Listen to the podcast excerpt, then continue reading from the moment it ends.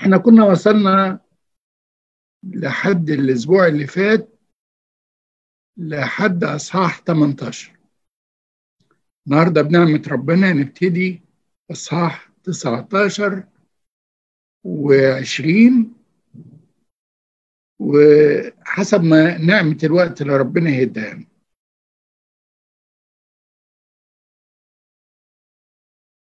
أصحاح 19 الحقيقة هي أحداث الصلب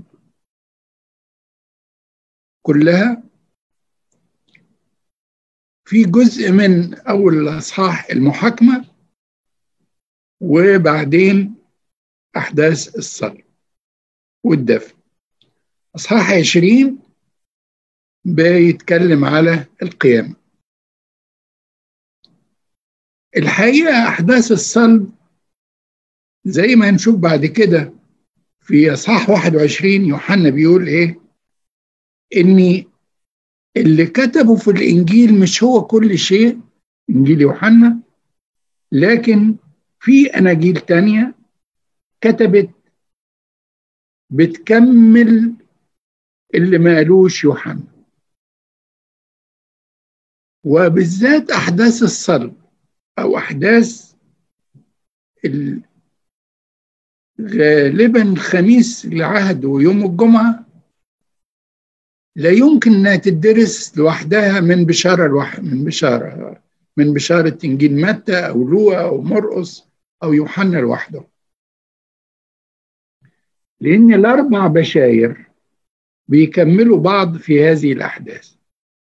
ولو كلنا بنذكر إن في يوم الجمعة الكبيرة ومن يوم الخميس بالليل بتتقري الأربع أناجيل في السواعي. يعني في كل ساعة بيتقري الأربع أناجيل. تعالوا نشوف في أصحاح 19 بيتكلم على إيه أصحاح 19 بيتكلم على محاكمة وبعدين أحداث الصلب وبعدين أحداث الدفن. لو هندخل في المحاكمة أحب أرجع معاكم بس للمحاكمات اللي اتحاكم فيها السيد المسيح. في محاكمات دينية وفي محاكمات مدنية. المحاكمات الدينية ابتدت في أصحاح 18 وكانت أول محاكمة بعد ما قبضوا على السيد المسيح في بستان جسيماني خدوه لمين؟ حد فاكر؟ ها؟ لا أنا عايز أسمع منكم حنانيا وقيافة بيت حنان حنان وبعدين ري قيافة اللي هو كان رئيس الكهنة. السيد المسيح لما اتقبض عليه يوم الخميس بالليل طبعا رؤساء الكهنة ومنهم حنان قاعدين سهرانين ومنتظرين بقى الحدث اللي يهوذا جايبه بقى قبضوا على الشخص اللي بينغص حياته بيقال إني كانوا عند بيت حنان الساعة 2 صباحا لم يذكر الكتاب المقدس تفاصيل ما دار في بيت حنان. لكن تعالوا نشوف ليه راحوا لبيت حنان. ومين هو حنان؟ حنان. على فكرة هو كان رئيس كهنة قبل كده. وكان راجل قوي جدا في مركزه الاجتماعي وفي مركزه عند الرومان على الرغم من وجود قيافة إنه كان هو رئيس الكهنة الرسمي. كان غني جدا واستخدم غناه ده في عمل علاقات مع السلطات الرومانية. كانت مكانته عند الرومان أفضل من رئاسة الكهنوت الرسمي. وعلى فكرة هو من ضمن الناس اللي كان حاضر مع رؤساء الكهنة لما قرروا أني لابد أن يموت السيد المسيح حتى لا يتلف الشعب.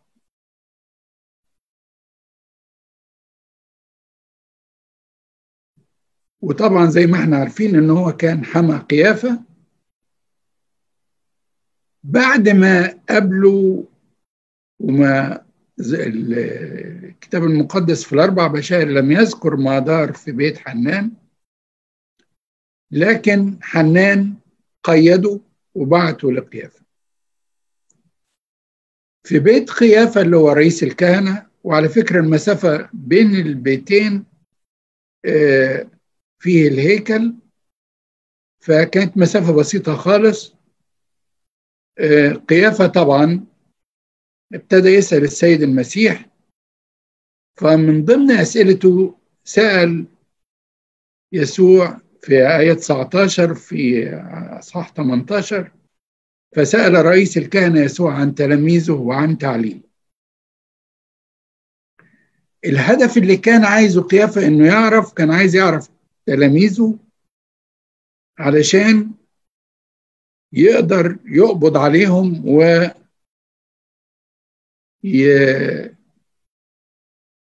يعاقبهم أو ينكل بيهم زي ما هيعمل مع السيد المسيح. السيد المسيح ما جاوبوش على الجزء الأولاني من السؤال إنما جاوبوا بقى على الجزء الثاني عن تعليمه. فأجابه يسوع عدد 20 لو اللي فاتحين الكتاب المقدس معانا الإنجيل إنجيل يوحنا. أصحاح 18 أجابه يسوع أنا كلمت العالم علانية أنا علمت كل حين في المجمع وفي الهيكل حيث يجتمع اليهود دائما وفي الخفاء لم أتكلم بشيء. لماذا تسألني أنا؟ اسأل الذين قد سمعوا ماذا كلمتهم هوذا هؤلاء يعرفون ماذا قلت أنا. أعتقد كلنا شايفين أنه رد قوي. وطبعا قيافة كان ماسك أعصابه يدب بالعافية. فراح سأله سؤال هو عايز يطلع منه أي إجابة علشان يدين؟ فقال له أستحلفك بالله الحي أن تقول لنا هل أنت المسيح ابن الله؟ السيد المسيح لا ينكر.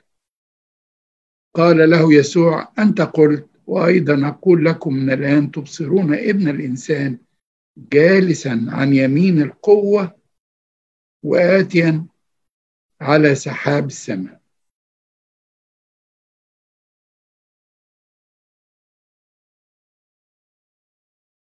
رد قوي لم يخفي الحقيقة. إنما بعت له رسالة السيد المسيح بعت رسالة لقيافة. مش عارف هو فهمها ولا لأ. لما بيقول له جالسا عن يمين القوة. الآية دي اتذكرت في دانيال. وطبعا قيافة رئيس كهنة دارس وحافظ. وطبعا عارفين اللي حصل في الرد إن أحد الخدم لطموا على وجهه السيد المسيح رد عليه وقال له إن كنت قد تكلمت رديا فاشهد على الردي. المحاكمة الثالثة اللي ما ذكرهاش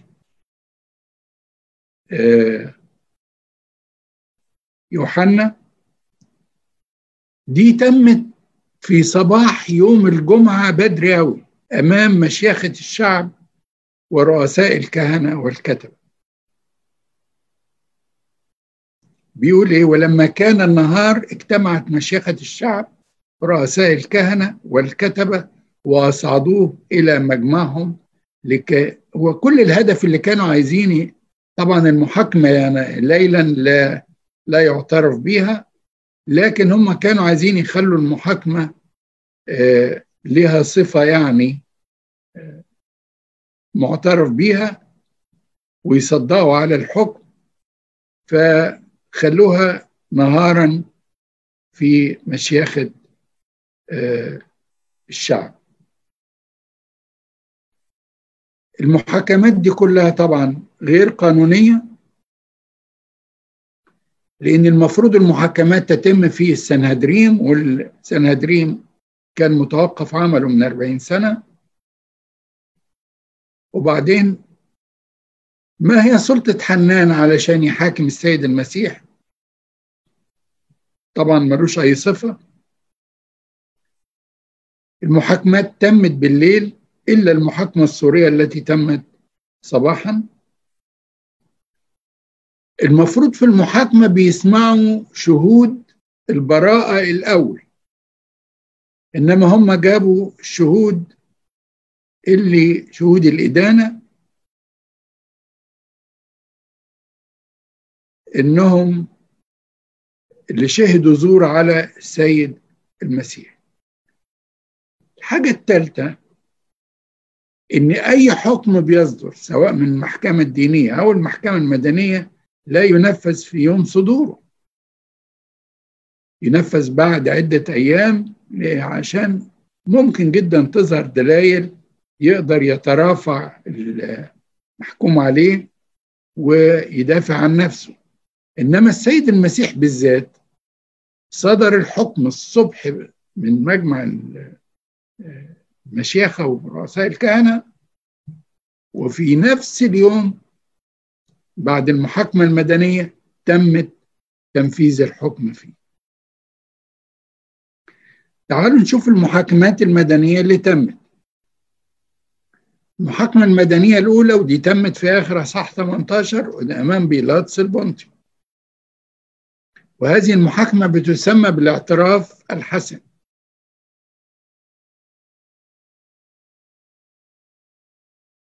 طبعا السيد المسيح كان من يوم الخميس بالليل وهو منهك تماما. مفيش يعني ما نامش ما ارتاحش. فخدوه لدار الولاية برضو يوم الجمعة الصبح. وكان في صباح اليوم كانوا متفقين مع بيلاطس رايحين له. فراحوا له تقريبا يقال إنها حوالي الساعة ستة صباحا. ف بيسأل السيد المسيح فالسيد المسيح قال له مملكتي ليست من هذا العالم. لو كانت مملكتي من هذا العالم لكان خدامي يجاهدون لكي لا أسلم إلى اليهود. ولكن الآن ليست مملكتي من هنا. فبيلاطس سأله أفأنت إذا ملك. فأجاب يسوع أنت تقول إني ملك. لهذا قد ولدت أنا ولهذا قد أتيت إلى العالم لأشهد للحق. كل من هو من الحق يسمع صوتي. وطبعا عارفين اللي حصل في إن بيلاطس سأله ما هو الحق. سيد المسيح شرح له أو ما جاوبوش إجابة مباشرة إنما قال له أتى إلى العالم ليشهد للحق. المحاكمة الثانية اللي تمت كانت أمام هيرودس أنتيباس. وهنشوف ليه بيلاطس البنطي بعته لهيرودس. مين هو هيرودس أنتيباس كلنا نذكر هيرودس رئيس الربع اللي قتل يوحنا المعمدان هو ده. هو قتل يوحنا المعمدان بعد أن أخذ زوجة أخيه فيلبس. لما هيرودس سمع عن السيد المسيح ظن أنه يوحنا المعمدان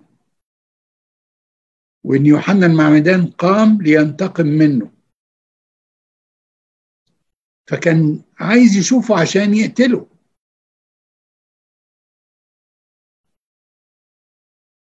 في إنجيل لوقا بيقول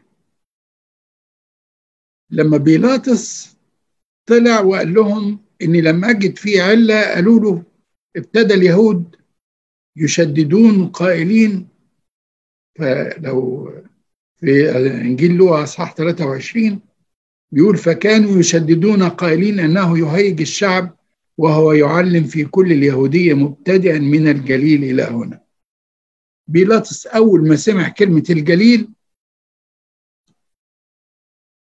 هم كانوا قاصدين أن يثيروا شكوك بيلاطس لأنه كان يكره الجليليين لأنهم تمردوا وعصوا عليه قبل كده.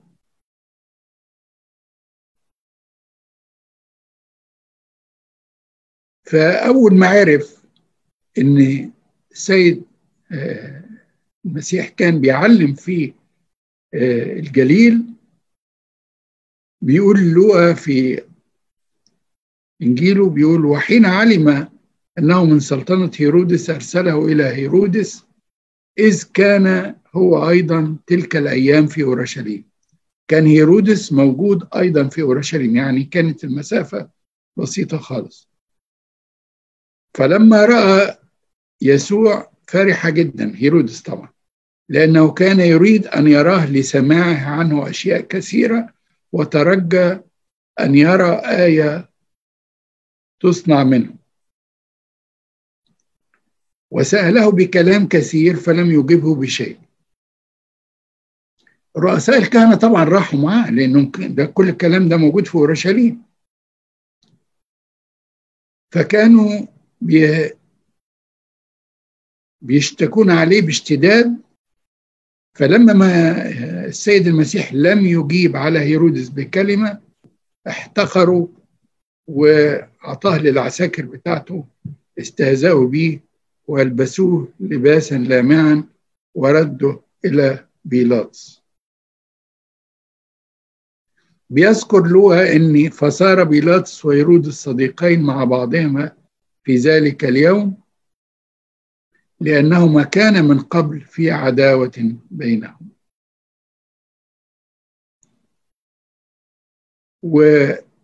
وبتتحقق بهذا هذه المحاكمة ما جاء في مزمور اثنين عدد اثنين قام ملوك الأرض على الرب وعلى مسيحه.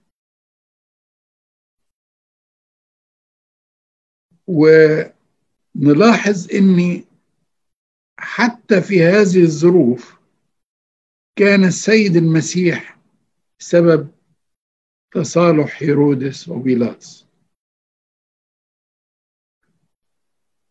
رجع السيد ما رجعوا رؤساء الكهنة بالسيد المسيح لبيلاطس المرة الثانية فبيلاطس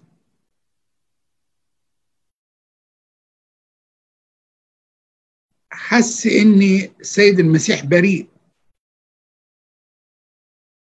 فعلشان بس يرضي اليهود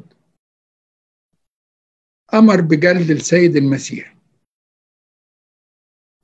طبعا كلكم تذكروا إن الصوت الروماني عبارة عن ثلاث أفرع وكل فرع من الصوت فيه قطعة حديد.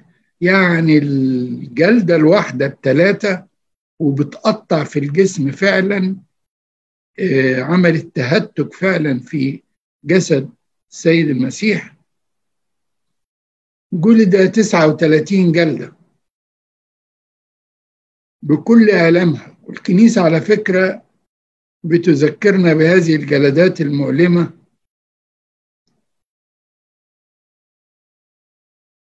لأنه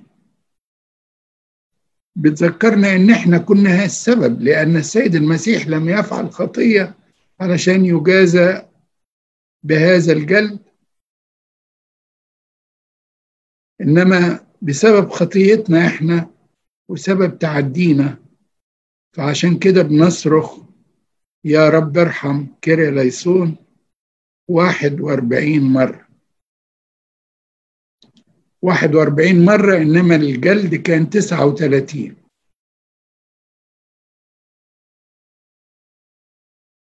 إيه الاتنين التانيين الزيادة دول بقى؟ مم.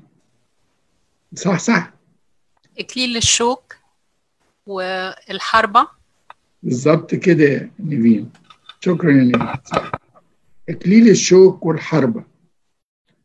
فكل مرة وإحنا بنصلي وبنقول كريا ليسون أرجوكم تذكروا أن السيد المسيح لأجل خطايانا. إحنا بنقول له ارحمنا. يا رب ارحم.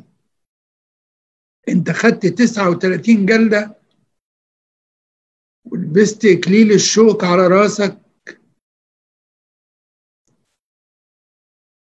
والحربة اللي اتطعنت بيها. وأنت لم تفعل خطية من أجل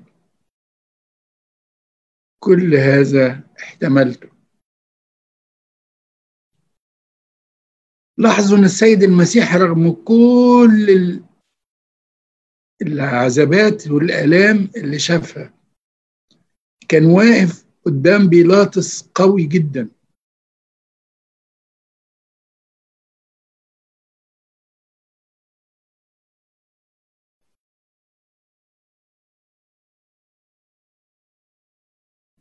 لدرجة إن بيلاطس بص للمسيح وطبعا شايف إن مفيش جريمة هو عملها يدان عليها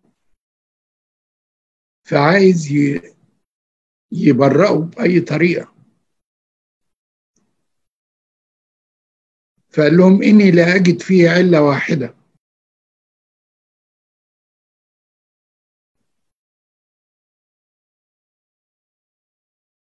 فأنا أودبه وأطلقه لكم.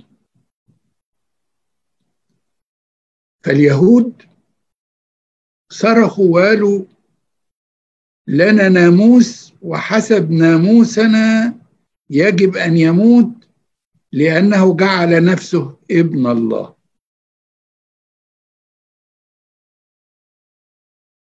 أول ما بيلاطس سمع كلمة أنه ابن الله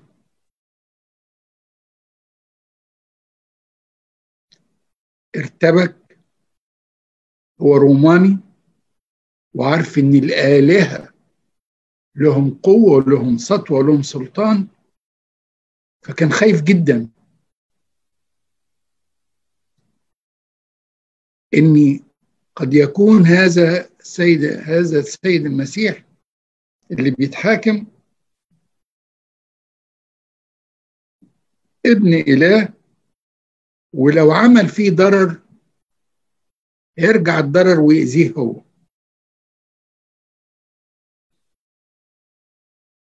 فطبعا حاول بكل الطرق إنه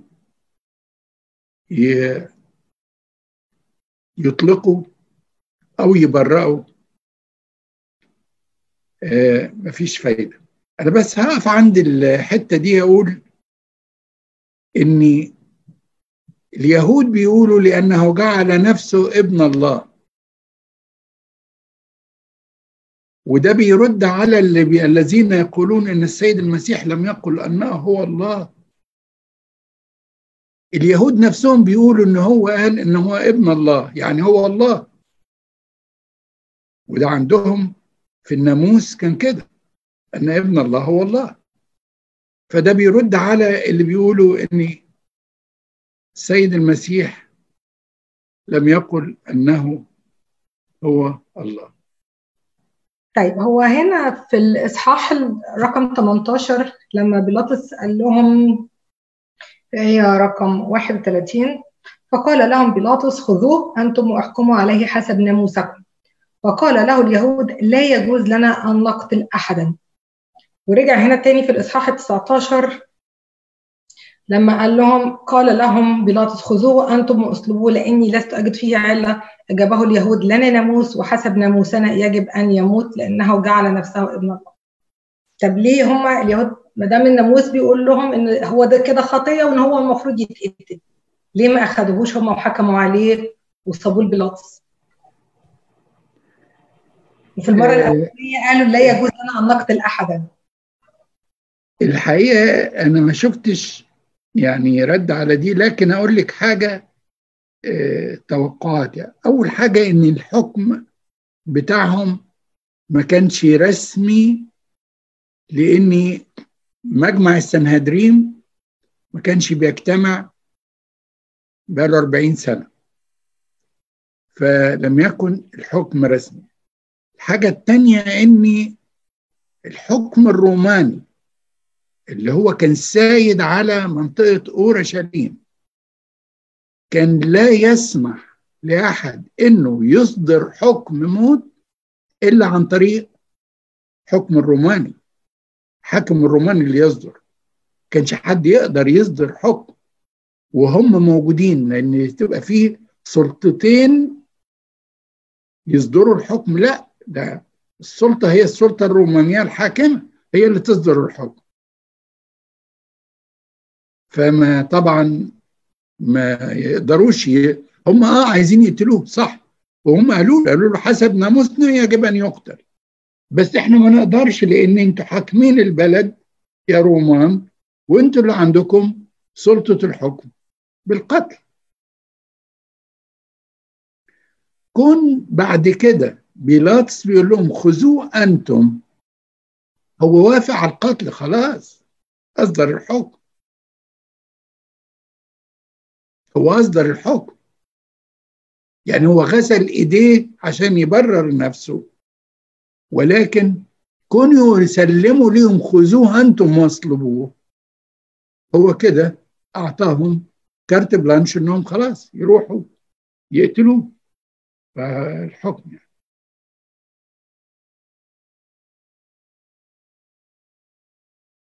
في آية تسعة في صح 19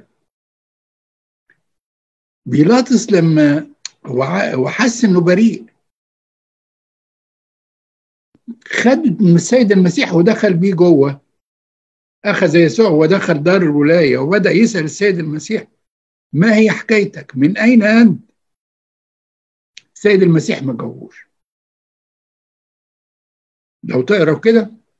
في عدد تسعة. فدخل إلى دار الولاية وقال يسوع من أين أنت؟ وأما يسوع فلم يعطيه جوابا. فقال له بنفس أما تكلمني ألست تعلم إني لي سلطان أن أصلبك وسلطان أن أطلقك أجاب يسوع هنا بقى السيد المسيح ما يسكتش لا ما جاوبوش في الأول. لا هنا لا, ما يس... لا خليك خلي بالك عند حدك. لم يكن علي سلطان البتة لو لم تكن قد أعطيت من فوق.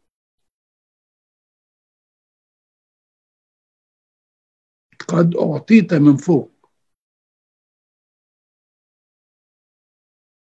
وبيقول الكتاب المقدس من هذا الوقت كان بيلاطس يطلب أن يطلقه ولكن اليهود كانوا يصرخون إن أطلقت هذا فلست محبا لقيصر.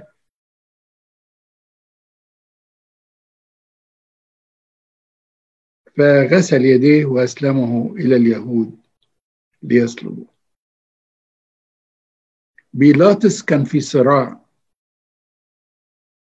وياما ناس كتير على فكرة بيقعوا في هذا الصراع. في ناس واثقين بالمسيح مخلص ورب.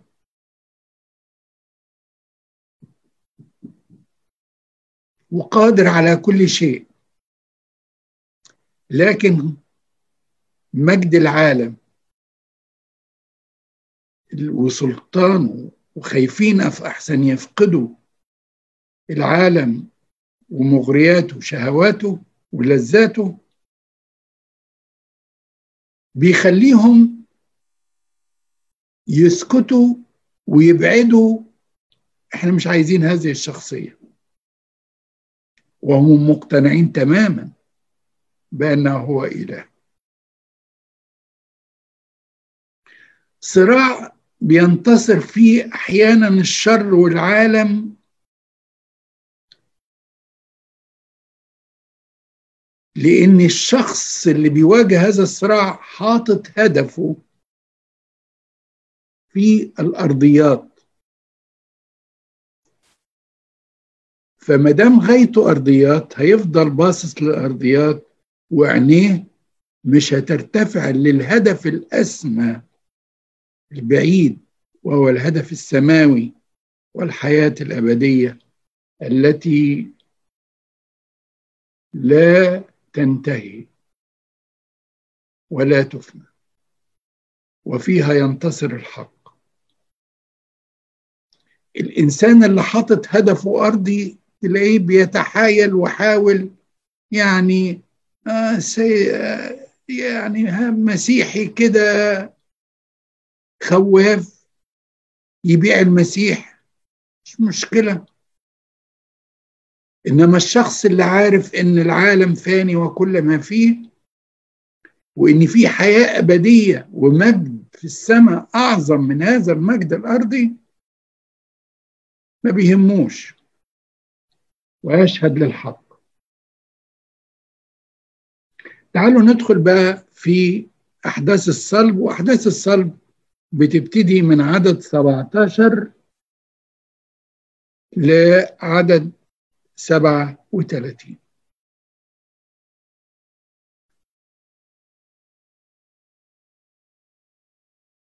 ده في أصحاح 19 من يوحنا. لكن وأنا بتكلم مع حضراتكم وأذكر الأحداث يمكن هرجع برضو للبشاير الثلاثة التانيين متى ومرقس ولوقا علشان نكمل صورة كاملة لأحداث الصلب.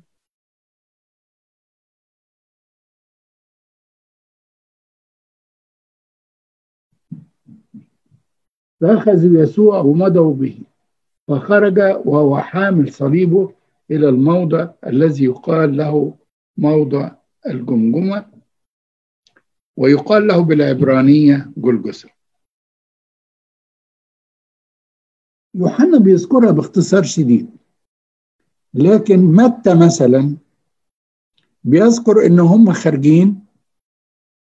وجدوا إنسان قيروانيا اسمه سمعان فسخروه ليحمل صليب. لوقا بيذكر نفس الحدث وبيقول أمسكوا سمعان رجلا قيروانيا كان آتيا من الحق ووضع عليه الصليب ليحمله خلف يسوع. مرقس بيذكر سمعان اللي ولاده الكسندروس وروفس وعلى فكرة كانوا مسيحيين معروفين جدا. فبيقول مرقس فسخروا رجلا مجتازا كان آتيا من الحقل وهو سمعان القيرواني أبو ألكسندروس وروفس ليحمل صليب. ده حدث وهم السيد المسيح ماشي حامل الصليب بتاعه. وهو ماشي في الطريق طبعا الناس واقفين على الجنبين بيتفرجوا فكان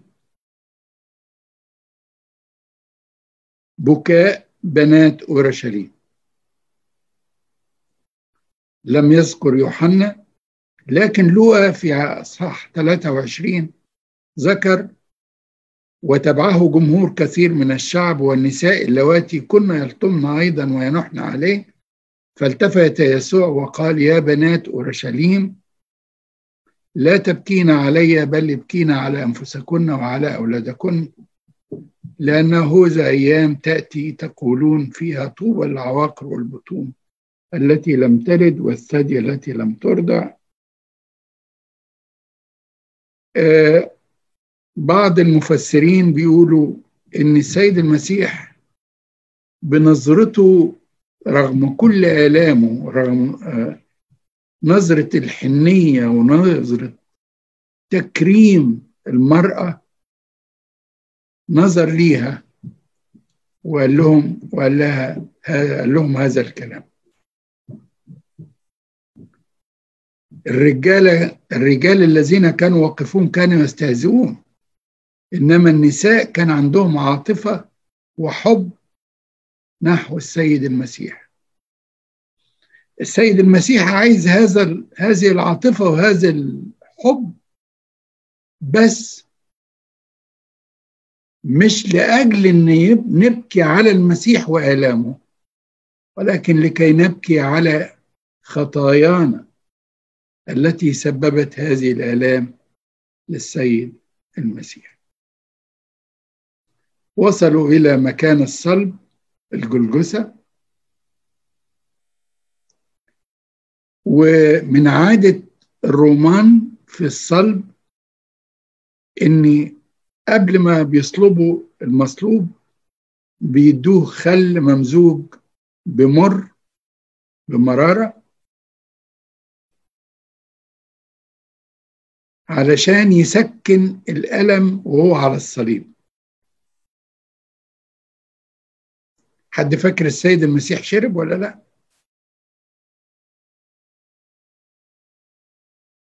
جوزفين. ها؟ شرب يعني فين لا.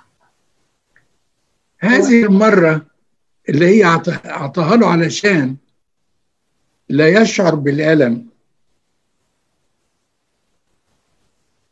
اللي هو الخل الممزوج بمرار وعلى فكرة الخل مش خل عادي لا ده هو عصير ترم أو خمر ممزوج بمرارة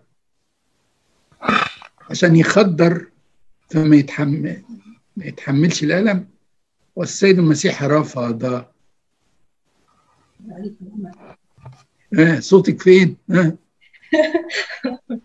بس هو هنا بيقول فلما أخذ يسوع الخل قال قد أكمل. يعني معنى كده إن هو أخذ وضع. آه. الخل آه شوفي برضو أنت بقى هنا. ده في الآخر يعني هم قدموه مرتين بالظبط كده. هم مرتين قدموا له الخل. الخل قدموه له الأول أنا لسه جاي الحتة الثانية دي. شكرا لنيفين الخل اللي عطاه له بمرارة في الأول قبل ما يتصلب رفض. لكن لما صرخ على الصليب إلهي إلهي لماذا تركتني؟ في متى؟ عدد 48 بيقول لولا الوقت ركض واحد منهم وأخذ أسفنجة وملاها خلا وجعلها على قصبة وسقاه وفي الحالة دي شرب السيد المسيح. ليه؟ لأني كان خل بس لما زاق لقاه خل بس والخل بيزيد من الشعور بالعطش فبيزيد آلام. يبقى في خل في الأول رفض في خل في لما صرخ وقال إلهي إلهي فأعطوه خل تاني وشرب. في أي أسئلة ولا حاجة؟ نكمل.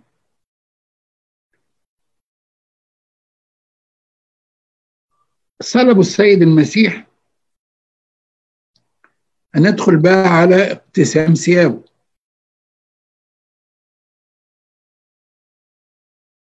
متى بيقول ولما صلبوه اقتسموا ثيابه مقترعين عليها.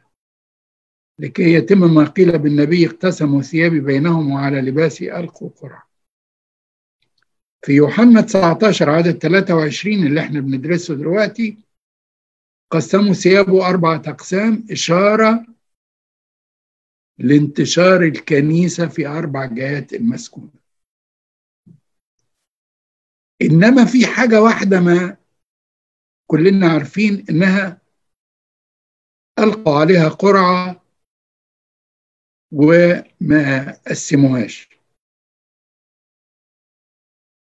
اللي هو القميص اللي كان لابسه السيد المسيح والقميص ده كان من كتان منسوج بغير خياطة. وعلى فكرة هذا اللبس ما كانش بيلبسوا إلا رؤساء الكهنة. فلبسوا السيد المسيح وهو رايح للصليب إشارة أنه رئيس الكهنة اللي رايح يقدم الذبيحة عن كل البشرية.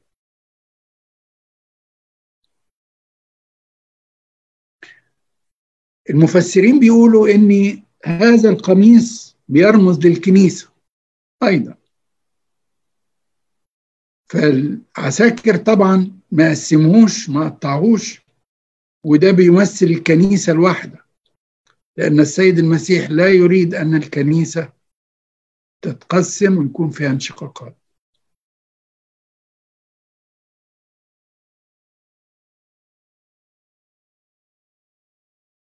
وهو على الصليب حصل أحداث كتيرة أوي. أول حاجة الحوار والمناجاة اللي تمت بين اللص اليمين واللص الشمال على الصليب. اللص الشمال بيذكر لوقا وكان واحد من المذنبين معلقين يجدف عليه قائلا إن كنت أنت المسيح فخلص نفسك وإيانا. اللص الشمال اللي بيقول هذا الكلام عارف إن هو المسيح وإنه قادر. لكن هو مش عايز من المسيح الا إيه؟ إنقاذ نفسه. وكتير من الناس عارفين الله القادر لكن عارفين ربنا وعايزين ربنا في إيه؟ ينفذ ليهم طلباتهم ورغباتهم. وكل ما يريدون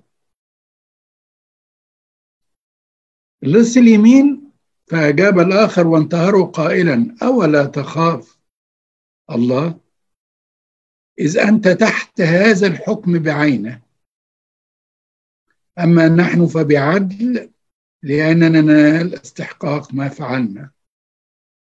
وأما هذا يقصد السيد المسيح فلم يفعل شيئا. ليس في محل. لاحظوا اللص اليمين. إنسان عجيب جدا. ده أنت بتتعذب وأنت بتتألم. لكن شايف السيد المسيح شايف القوة شايف العظمة.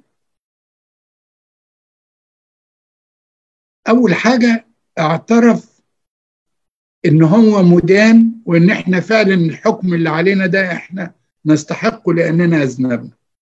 واعتراف بخطاياه اعترف بأن المسيح لم يفعل شيء سيء عشان يجاز عليه. بيقول بعدل نلنا الجزاء. كان نتيجة نتيجة كده كده إيه؟ نتيجة اذكرني يا رب إذا جئت في ملكوتك يرد عليه السيد المسيح ويقول له اليوم تكون معي في الفردوس.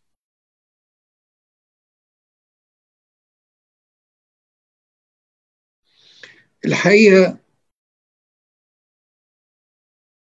درس اللص اليمين واللص الشمال درس لينا جميعا. الناس بينقسموا إلى فريقين. فريق في الضيق لما بيواجه بيواجهوا ضيقة معينة بيصرخوا يطلبوا من ربنا. يطلبوا إيه؟ انقذنا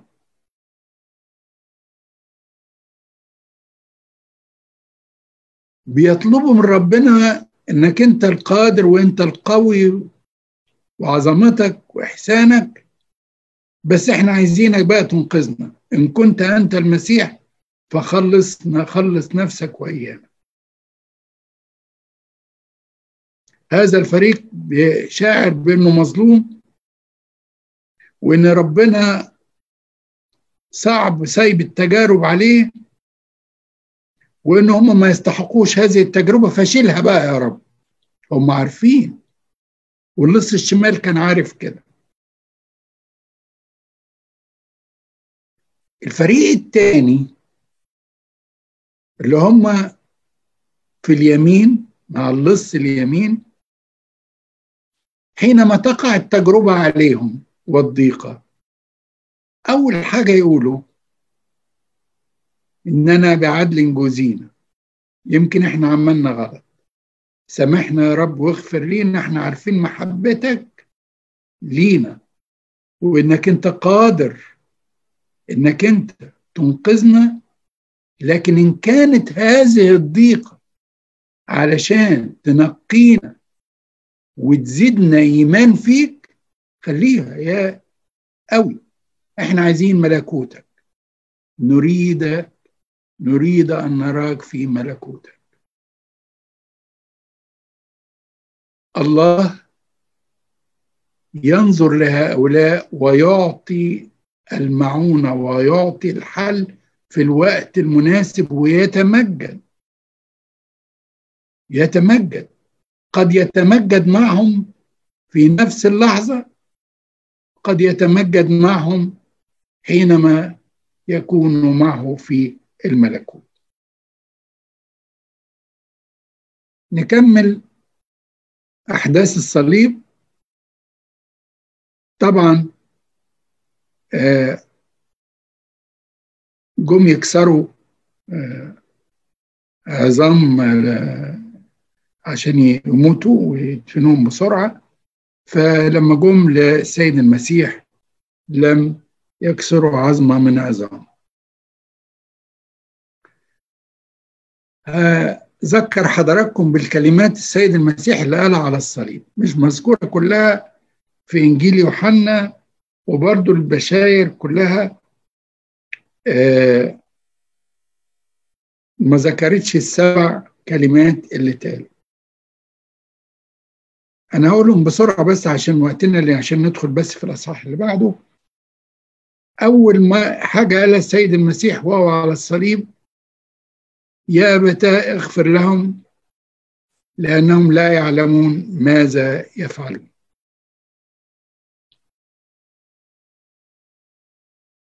وبولس الرسول بيقول فهم لو عرفوا لما صلبوا رب المجد مش عارفين إنهم بيصلبوا مين. فيا ابتاه اغفر لهم؟ ده انت وقفت يا سي يا يسوع وانت بتكلمهم وعرفتهم وعملت معجزات ووريت لهم قوة لاهوتك ومجدك. برضه بتقول لا يعلمون. حب. اغفر لهم. الكلمة الثانية اللي قالها السيد المسيح أو الجملة الثانية اللي قالها اليوم تكون معي. الفردوس ودي قالها للص اليمين. الكلمة الثالثة أو الجملة الثالثة إلهي إلهي لماذا تركتني؟ والمفسرين بيقولوا إن السيد المسيح قالها بصوت عظيم صرخ بصوت عظيم. وقال إلهي إلهي لماذا تركتني؟ لأن السيد المسيح كان بقوة لاهوته. بيصرخ هذه الصرخة.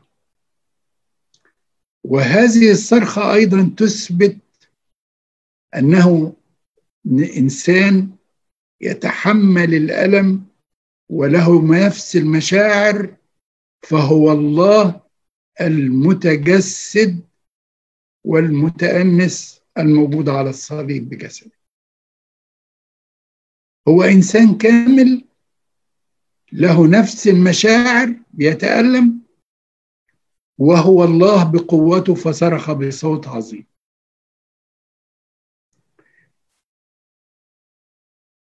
الجملة اللي بعد كده يا امرأة هو زي ابنك ويا يوحنا هو زي أمك.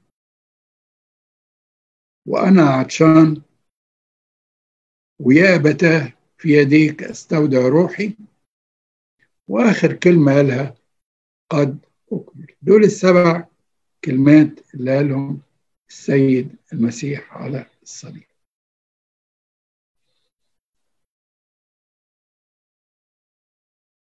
مين كان موجود عند الصليب؟ من الناس اللي يعرفوا السيد المسيح.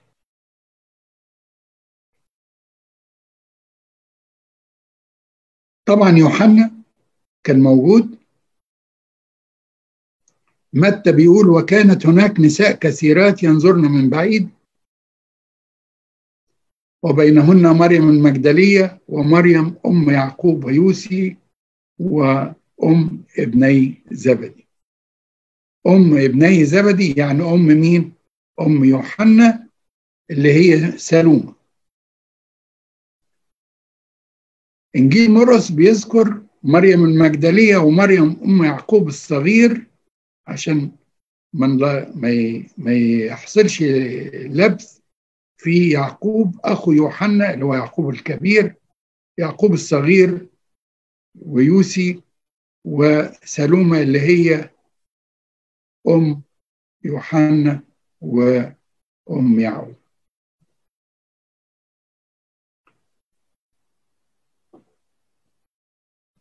بعض المفسرين بيقولوا إن يوحنا خد رجع لورا شوية لما لقى الجو هدي شوية وبعض الناس مشيوا علشان يجهزوا الفصل وراح جاب العذراء عشان تلقي النظرة الأخيرة على الصليب.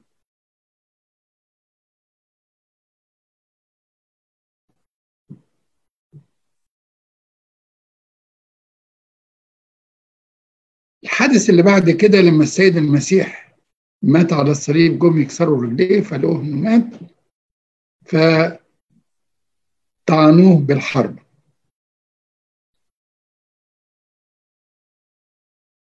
وخرج منه دم وماء. وطبعا التفسير العلمي أنا مش هتعرض له. إنما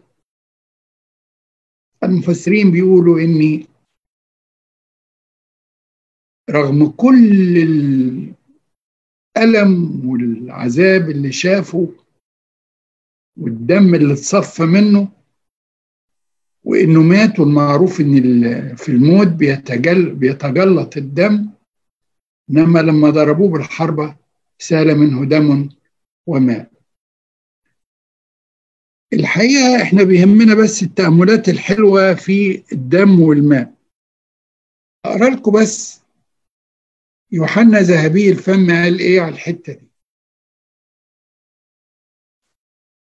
بيقول إن الكنيسة تأسست بالدم والماء. الماء هو ماء المعموديه الذي يعطي ولادة جديدة والدم هو الذي يعطي حياة بالتناول في سر الإفخارستية. القديس أغسطينوس بيقول ان شبه رقاد آدم زي ما آدم ربنا خلاه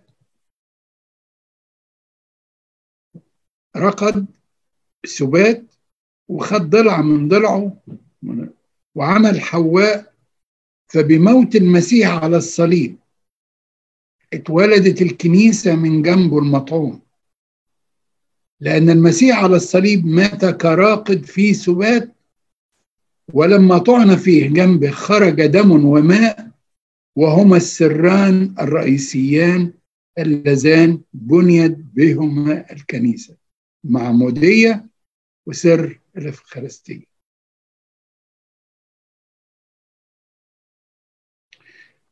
معلمنا يوحنا في رسالته الأولى إصحاح خمسة عدد ثمانية بيقول الذين يشهدون هم ثلاث الماء والدم والروح.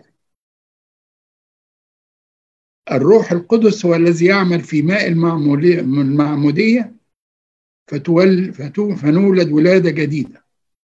والروح هو الذي يحول عصير الكرمة إلى دم السيد المسيح فيهبنا حياة وتقديس وتنقية.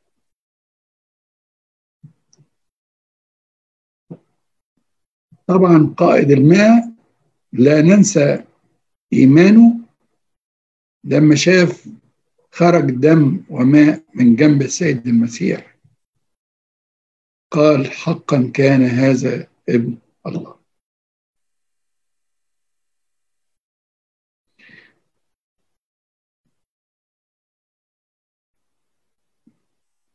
هقف معاكم بس على معركة المعركة اللي تمت على الصليب. إيه اللي تم على الصليب هو ليه إبليس بيخاف من الصليب ليه؟ ليه أول ما الصليب بيتقرب لإبليس أو حد عنده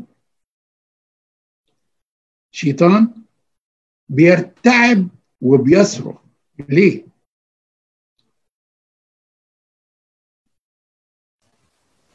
لأنه بيفتكر إن الصليب اللي هزمه فهو ده بيفكره بهزيمته. بالظبط كده. السيد المسيح لما صعد على الصليب كان متخفي في ناسوت. إبليس هو هو ده ربنا ولا مش ربنا. طب هو إله هيبقى ضعيف كده ويسلم نفسه؟ لا. ده إنسان. إنسان عادي. منذ أن سقط آدم وإبليس سلطانه على أنه يقبض على الأرواح.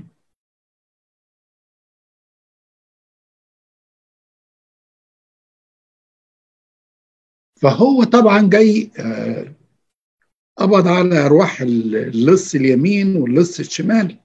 جاي بقى يقبض على روح السيد المسيح. فقيده قبض عليه وقيده. عشان كده بيقول الرسول بولس قيد رئاسات.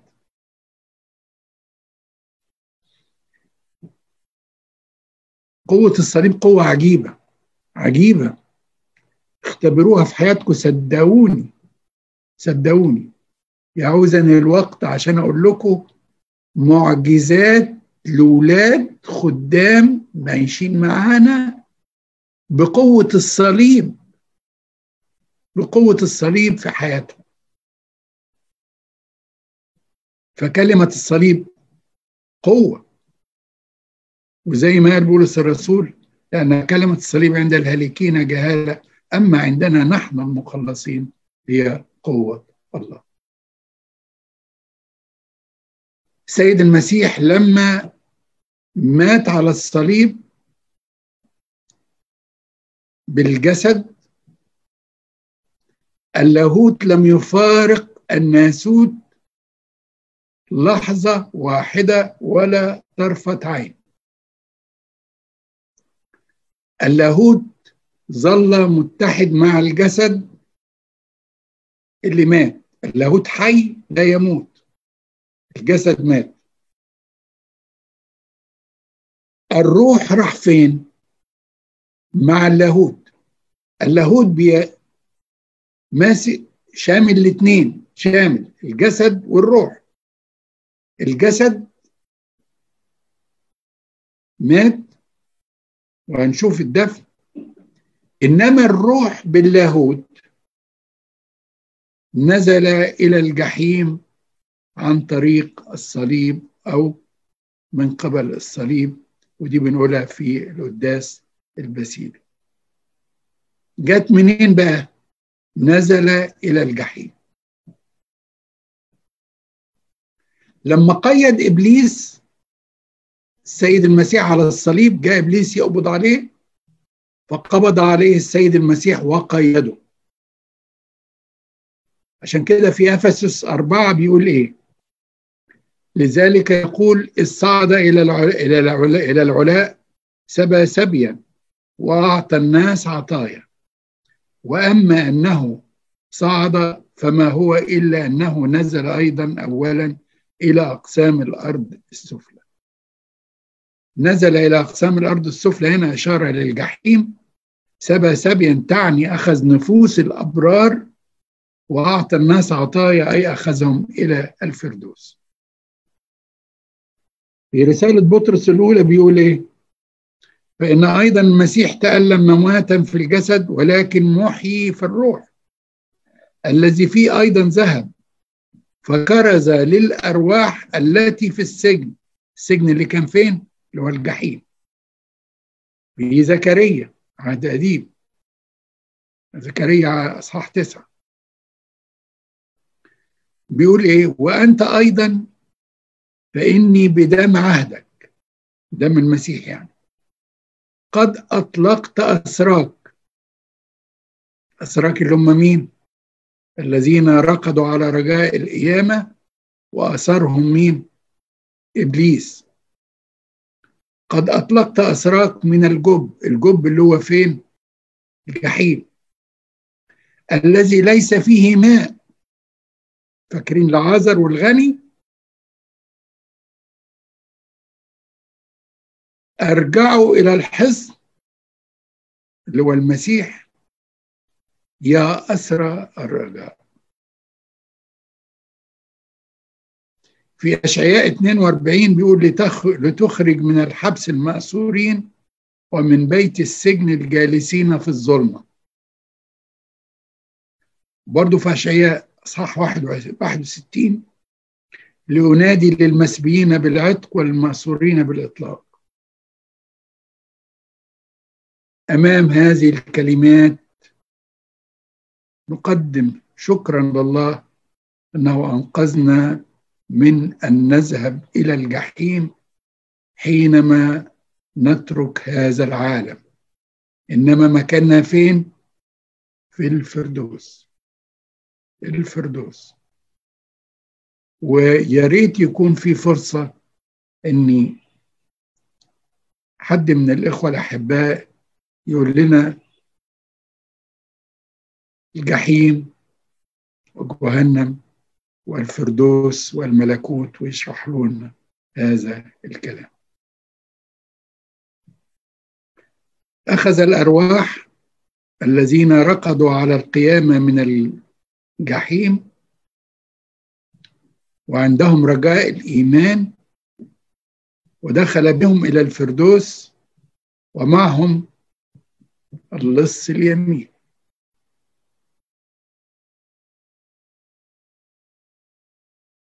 مش عارف ده إحنا اصحاح ده اعتقد هو ده اللي هناخده النهارده بس يعني.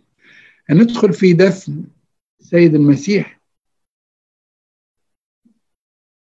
متى ومرقس ولوقا بيذكروا ان يوسف الذي من الرامة هو رجل غني؟ وكان على فكرة في المجمع ولم يكن موافقا لرأيهم رأي اليهود. وكان رجل شريف وله مكانته. فتجرأ إنه يدخل لبيلاطس وبيطلب جسد يسوع.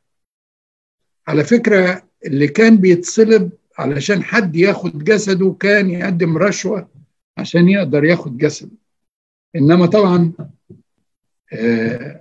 يوسف لأنه كان رجل معروف ومشهور لما دخل لبيلاطس وتأكد بيلاطس إن السيد المسيح إن يسوع قد مات فوافق ليوسف إنه ياخد جسد يسوع فأنزله ولفه بكتان.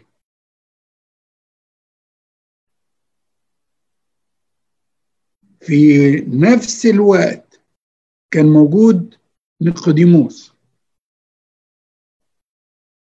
يوحنا بيذكر نيقوديموس جه ومعاه الأطياب وكفنوا السيد المسيح بمزيج مر وعود ولفوه في الأكفان. وحطوه في القبر بتاع يوسف قبر جديد لم لم يوضع في أحد من قبل ذلك. أنا هقف عند يوسف ونيقوديموس وأبص ليهم كده وأنتوا تبصوا معايا. دول عدوان أعضاء في مجمع اليهود. وكانوا على فكرة دايما معارضين اليهود بخصوص موقفهم من السيد المسيح. لكن العملة اللي عملوها إنهم راحوا وقت صلب المسيح وأنزلوا السيد المسيح. الحقيقة عمل إن ناس شجعان أقوياء ما همهمش المنصب بتاعهم وما همهمش اللي هيحصل ليهم من اليهود وإنهم يطردوا من المجمع. ما خافوش على منصبهم ولا مركزهم. كان عيد الفصح كل الناس منشغلين بقى بيجهزوا ليه؟ هم ما همهمش ما انشغلوش بالكلام ده. لا المسيح اولا. وقفوا جنب المسيح. المسيح اولا. الحقيقة أمام ما فعله يوسف ونيقوديموس. الواحد يقف قدام إيمانهم وحبهم للمسيح في وقت الشدة ويقول دول فعلا أبطال. كتار من الناس في وسطينا فعلا لهم مواقف تظهر في وقت الشدة. إنهم فعلا بيحبوا السيد المسيح. أقرب مثل معاصر لينا. معاصر لينا. ناس مش معروفين. ولا شمامسة ولا إكليروس ولا خدام. لكن لما جم وقفوا ليشهدوا للمسيح ما همهمش. فاكرين مين؟ شهداء ليبيا. شهداء ليبيا الشباب اللي زي الورد اللي كانوا رايحين علشان يكسبوا رزقهم علشان ي... بيوتهم المحتاجة. سابوا مصر وراحوا ليبيا. ما كانوش خدام على فكرة. ولا كانوا شمامسة ولا كانوا كليروس ولا كانوا حاجة. ده الناس بسطة جدا عمال. لكن قدام التحدي في المسيح نو no. لا. المسيح اولا. شهدوا امام العالم كله. أن المسيح هو الإله الحي. واستقبلوا الموت شهداء ولم يفكروا في أهاليهم ولا فلوسهم ولا كل ممتلكاتهم يا ريتنا نعلم أولادنا في مدارسهم إنهم يكونوا لهم الشجاعة ويقفوا مع الحق مش مع منطق العالم وكل حيله هي المرة الجاية طبعا يعني النهاردة كان الصلب المرة الجاية هتبقى القيامة وآخر أصحاح اللي هو بطرس والسيد المسيح أتحبني ونكملها بنعمة ربنا المرة الجاية. خلي بالكم المرة الجاية هيبقى فيه هنكمل الأصحاحين دول بسرعة. هناخد إجاباتكم على الأسئلة. ولو في أي أسئلة حضراتكم عايزين تسألوها هو كان في سؤال من المرة اللي فاتت أه هذكره بس بسرعة كده. هو سؤال وتعليق. السؤال الأولاني كان من أحد الأخوات بتقول إن في ناس بيقولوا إن الروح القدس البراكليت هو النبي محمد. ده كان المرة اللي فاتت ورد هذا التعليق. والحقيقة يعني رد أقول بس رد بسيط خالص. يا ريته كان النبي محمد الروح القدس أثر فيه وخلاه يسلك تبع الروح القدس ومواهب الروح القدس وثمار الروح القدس تظهر فيه. أتمنى وأتمنى أن كل التابعين له إذا كانوا بيؤمنوا بالروح القدس أن يكون الروح القدس ثماره تظهر في حياتهم.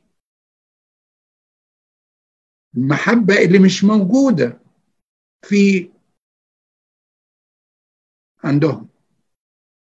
ولم تذكر في كتبهم المحبة.